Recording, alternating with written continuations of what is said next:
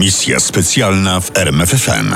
Rzeczpospolita Zbójecka, czyli sen Józefa Beka o potęce. Ta historia zaczęła się 11 marca 1938 roku nad brzegiem Mereczanki, gdzieś na granicy polsko-litewskiej.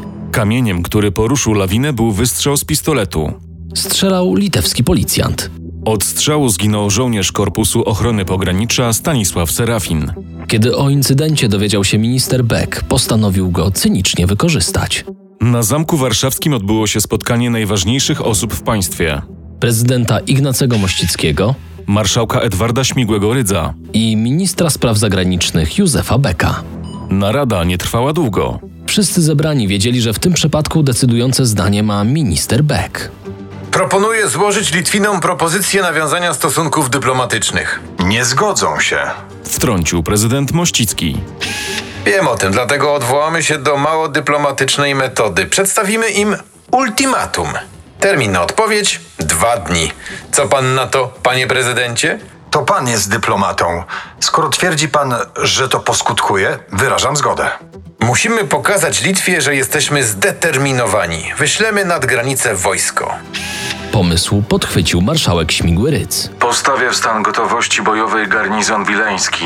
Nad granicę z Litwą wyślę trzy dywizje piechoty i brygadę kawalerii. Na lotniskach w Wilnie i Lidze wylądują nasze samoloty wojskowe, a pod Wilnem czołgi przeprowadzą manewry. Wystarczy, marszałku. Na litewskie trzy pułki kawalerii i siedem pułków piechoty to chyba aż za dużo. Tak, ma pan rację. Myślę, że gdyby doszło do wojny, to ofensywę zakończę w trzy dni. Ponieważ Warszawa i Wilno nie utrzymywały stosunków dyplomatycznych od 18 lat. Ultimatum przekazano za pośrednictwem ambasadora polskiego na Łotwie. Późnym wieczorem 17 marca zjawił się w ambasadzie litewskiej polski dyplomata i osobiście przekazał dokumenty Litwinowi. Pański rząd ma czas na odpowiedź do 19 marca. Dwa dni. Czyli jeśli nie odpowiemy, zaatakujecie. Polak rozłożył ręce, jakby chciał powiedzieć: Nie wiem, czas pokaże. Tymczasem kryzys odbił się echem niepokoju w Europie. A w przepychanki dyplomatyczne między Warszawą a Wilnem wtrąciła się Moskwa i Berlin. Zarówno Stalin, jak i Hitler zapowiedzieli, że w razie wybuchu wojny polsko-litewskiej oba mocarstwa zamierzają się w nią włączyć. Niemcy wysłali nowe dywizje do Prus Wschodnich, a okręty Kriegsmarine krążyły nieopodal litewskich portów w Pilawie i Kłajpedzie. Czy śmierć polskiego strzelca niczym efekt motyla mogła doprowadzić do wojny europejskiej? W stolicach europejskich obawiano się, że tak, a rząd litewski ogarnęła panika. W Kownie spodziewano się wojny z Polską i klęski. Co robić? Pytał prezydent Litwy. Jedyne wyjście to nadzwyczajne posiedzenie rządu. Zastanowimy się, jak odpowiedzieć na ultimatum. W nocy z 18 na 19 marca zebrali się ministrowie, prezydent Antanas Smetona i premier oraz szef sztabu i wódz naczelny litewskiej armii. Nastrój w naradzie był paskudny, czemu trudno się dziwić. Wszyscy ministrowie zgodzili się na przyjęcie ultimatum. Ale tylko ze względu na groźbę użycia siły. W efekcie kryzysu litewskiego w Warszawie i Kownie mieli się pojawić przedstawiciele dyplomatyczni. A oba państwa zamierzały otworzyć połączenia kolejowe i lotnicze. Europa odetchnęła. Lecz widmo wojny już wisiało nad światem, choć mało kto zdawał sobie z tego sprawę. Zaczynała się nowa mroczna epoka, w której o polityce nie mieli decydować dyplomaci, a groźba użycia siły. Bo przecież dokładnie w tym samym czasie Adolf Hitler wydał dywizjom Wehrmachtu rozkaz inwazji Austrii. Niemcy wjechali do Wiednia, a Austria przestała istnieć jako niepodległe państwo. Czyli co? Anschluss to już fakt. Z mapy Europy zniknęło jedno średniej wielkości państwa, a mocarstwa zachodnie nie zrobiły nic, aby temu zapobiec. Y, Włosi szaleją w Abysynii i szykują się do zajęcia Albanii. Japończycy zajęli Koreę i przeprowadzają ofensywę w Chinach. W Hiszpanii trwa wojna domowa. Co dalej? Pytali publicyści na stronach gazet. Dalej było lato, wakacje, również od polityki i sytuacja się uspokoiła, ale nie wróciła już do normy sprzed Anschlussu Austrii. A potem przyszła jesień i kryzys zaostrzył się na nowo. Tym razem w centrum uwagi znalazła się Czechosłowacja. Hitler zażądał Sudetów, regionu zamieszkałego przez mniejszość niemiecką i naszpikowanego nowoczesnymi fortyfikacjami. Polacy wiedzieli, co dzieje się między Berlinem i Pragą. Biuro szyfrów w Pyrach pod Warszawą pękało w szwach od przechwytywanych każdego dnia niemieckich depesz. Złamanie klucza maszyny szyfrującej Enigma pozwoliło polskim kryptologom czytać te depesze. Także strategia Wehrmachtu oraz polityka Adolfa Hitlera nie miała przed Polakami tajemnic. Ale 16 września 1938 roku to źródło wiedzy wyschło. Stosowane dotąd zasady dekryptażu okazały się nieaktualne, ponieważ Niemcy zmienili system szyfrowania w 20 tysiącach maszyn Enigma. Polacy już wiedzieli, co to oznacza. Według meldunku polskiego agenta zakonspirowanego gdzieś w sztabach Wehrmachtu, dywizje niemieckie przychodziły w stan pogotowia wojennego. Ale we wrześniu 1938 roku nie tylko Hitler stawiał swoich żołnierzy pod bronią. Robiła to cała Europa, od zaśnieżonych Pirenejów po szerokie przestrzenie Rosji, na bocznicach kolejowych do wagonów władowali się żołnierze. Agencje wywiadów szalały. Abwera, NKWD, francuskie biuro i polski oddział drugi wysłali do Czechosłowacji tajnych agentów. Europa chciała wiedzieć, co się dzieje w Czechosłowacji. Zabrakło tylko Brytyjczyków z MI6. Za to jesienią 1938 pojawił się w przygranicznym Cieszynie brytyjski przemysłowiec Harold Perkins, przez przyjaciół nazywany Perks. O tym, że Perks jest właścicielem fabryki włókienniczej w Bielsku, wiedzieli wszyscy. Ale o tym, że jest czynnym agentem organizacji Z, nie wiedział nikt. Organizacja Z to super tajna sieć brytyjskiego wywiadu działająca w cieniu MI6. Jeżeli o MI6 nie wolno było mówić, to o organizacji Z nie wolno było myśleć. Ona po prostu oficjalnie nie istniała. Oficjalnie nie istniała, a jej szefem był podpułkownik Claude Donce i chciał mieć najlepszych ludzi. Uznał, że do roli agentów najlepiej nadadzą się dziennikarze, przemysłowcy, dyplomaci, a także studenci oraz profesorowie uczelni. Słowem każdy, byleby miał dostęp do ważnych informacji. Perkins spełniał te wymagania. Uczył się szpiegowskiego fachu pod okiem znakomitych specjalistów z SIS. Kiedy Donce zaproponował mu robotę, odszedł z firmy i wtopił się w środowisko producentów i handlarzy bawełną.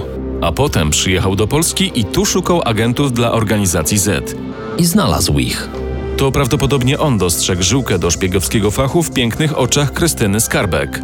I to zapewne Perks nakłonił młodą hrabiankę do pracy dla Brytyjczyków z organizacji Z. Tylko skąpe informacje wskazują fakt, że Skarbek już od kilku lat obracała się w kręgach ludzi powiązanych z brytyjskim wywiadem. Najpierw tym oficjalnym MI6, potem tym nieoficjalnym. To oczywiście nie musiało automatycznie oznaczać, że sama była agentem. Ale też tego faktu jednoznacznie nie wykluczało.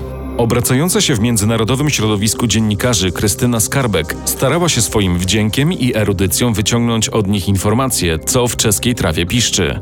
Nie znamy dokładnych informacji, jakie efekty dawały jej starania.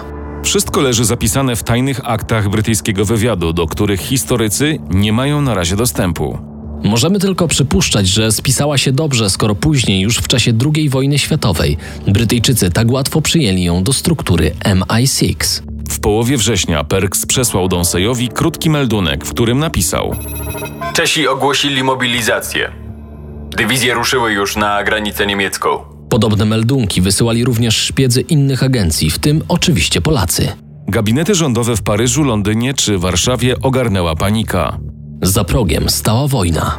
Zwołano pilną sesję Ligi Narodów. Temperatura dyskusji sięgnęła zenitu. Dyplomaci prośbą i groźbą próbowali zatrzymać nakręcającą się szybko spiralę agresji. Nikt jednak nie zdobył się na konkretne deklaracje. I wtedy wystąpił komisarz spraw zagranicznych Związku Radzieckiego. Litwinow bronił Czechów i ostrzegał Niemców, że Bez względu na postawę Francji, Armia Czerwona gotowa jest udzielić zbrojnej pomocy Czechosłowacji.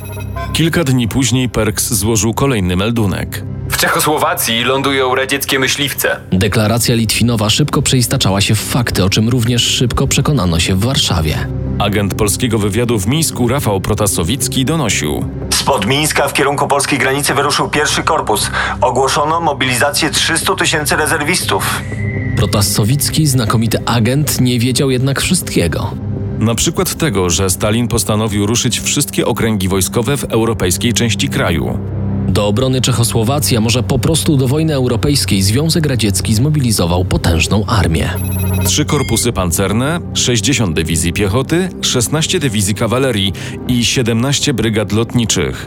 27 września Wehrmacht zajął pozycje wyjściowe do agresji. Według dyrektyw Hitlera wojna miała się zacząć za trzy dni. Tego samego dnia zbudziła się Royal Navy. Admiralicja brytyjska podjęła decyzję o mobilizacji floty.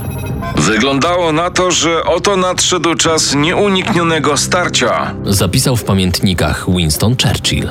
Za najsilniejszą linią fortec w całej Europie Czesi dysponowali półtora milionem doskonale wyposażonych żołnierzy. Armia francuska została częściowo zmobilizowana i, aczkolwiek niechętnie, ministrowie francuscy byli gotowi honorować swoje zobowiązania wobec Czechosłowacji.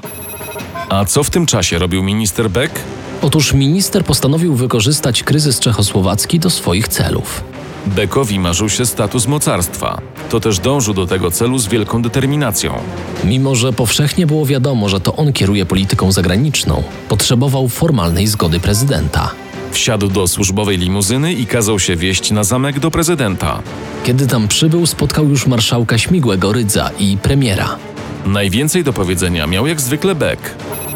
Czechy nie będą się bić. Państwa zachodnie nie są ani moralnie, ani mentalnie gotowe do interwencji na ich korzyść. Tu zamilkł na chwilę, aby przekonać się, jaki efekt wywołały jego słowa na obecnych, ale wyczytał z ich twarzy tylko skupienie. Kontynuował więc przerwany wątek.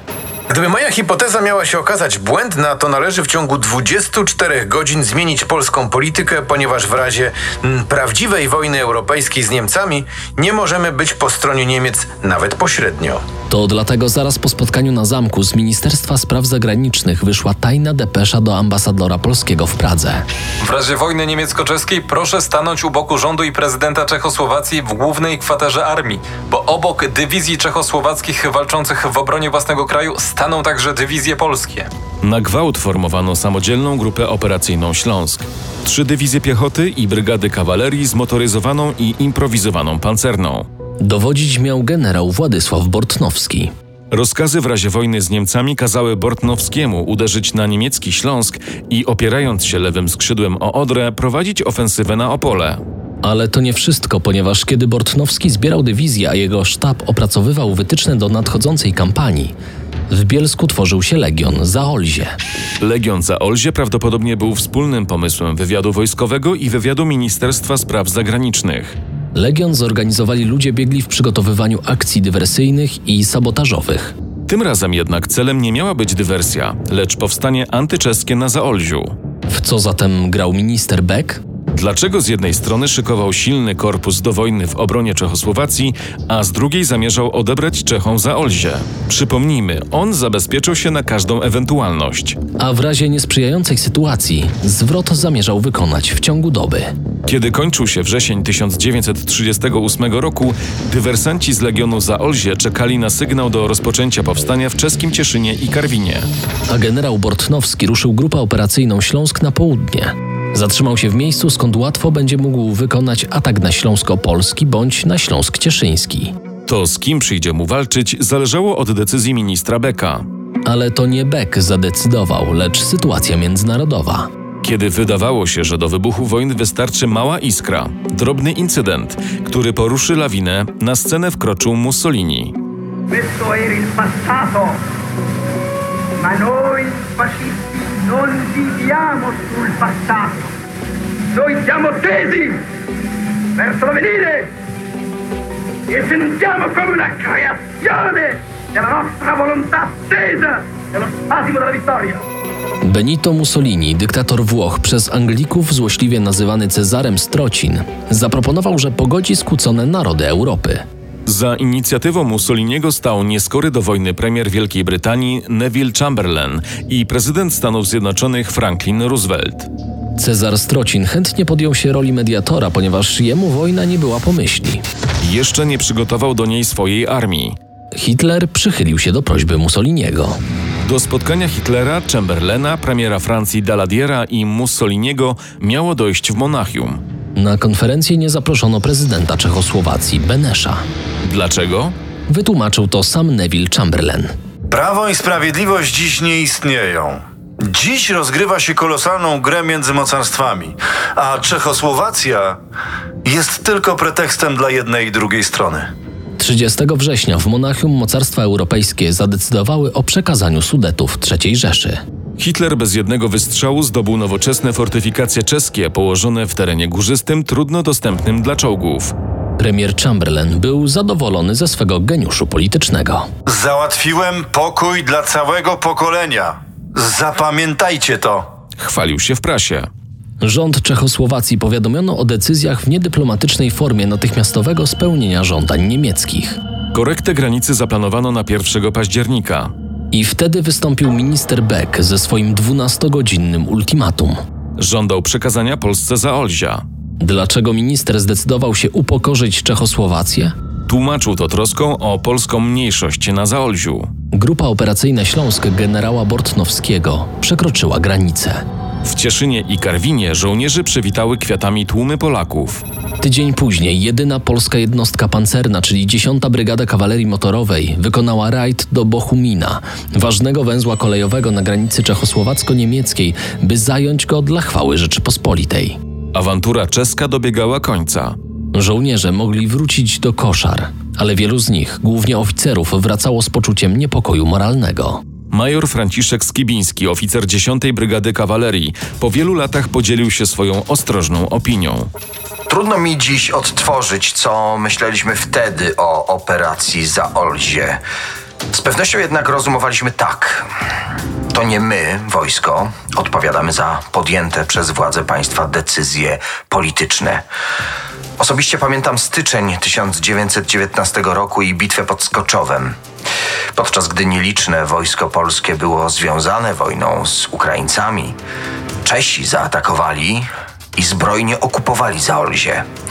To może należał się nam rewanż. Niewątpliwie jednak mogę stwierdzić, że jednocześnie odczuwaliśmy rodzaj zażenowania, czy aby nie odgrywamy roli szakali korzystających z polowania niemieckiego lwa. A Beck? Czy minister Beck nie odczuwał wyrzutów sumienia? Przecież upomnienie się o Zaolzie w tym samym czasie, w którym Niemcy grozili Czechom wojną, sprowadziło na Polskę krytykę. Twierdzono wręcz, że między Warszawą a Berlinem doszło do porozumienia, co było oczywiście nieprawdą, ale plotka poszła w świat i miała podkopać prestiż Warszawy na scenie polityki międzynarodowej. A taką stratę niełatwo było odrobić. Londyn i Paryż zaczynały uważać Polskę za sojusznika Hitlera. A Beck czuł się pewnie, działał bez skrupułów według zasady, którą streścił kilka miesięcy wcześniej przy okazji kryzysu z Litwą. Ponieważ skłopotany świat boi się państw dynamicznych i chętnie się z nimi układa, by nie dopuścić do awantury, podkreślajmy te elementy, które świadczą i czynią wrażenie, że jesteśmy dynamikami. Beck mówił oględnie, dyplomatycznie, ale wystarczy tylko zmienić jedno określenie. Państwa dynamiczne na agresywne. A cała wypowiedź ministra nabierze niepokojącego znaczenia.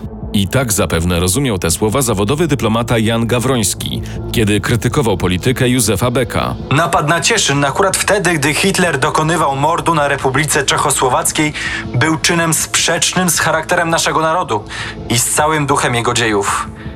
Beck tego nie rozumiał, bo może rozumieć nie mógł. Józef Beck nie przekuł snu o potędze w rzeczywistość polityczną. Pogubił się i sprowadził Polskę do rzędu chuligańskich państw, brutalnie wykorzystujących słabość sąsiadów. A przy tym stracił szacunek sojuszników. Co zyskał? Nie opadł jeszcze kurz wzniecony przez polskie i niemieckie czołgi na drogach Czechosłowacji, a już wicekomisarz spraw zagranicznych Władimir Patiomkin mówił do ambasadora Francji. Obecnie nie mamy innego wyjścia jak czwarty rozbiór Polski. Misja specjalna w RMFFM. Na tropie największych tajemnic historii.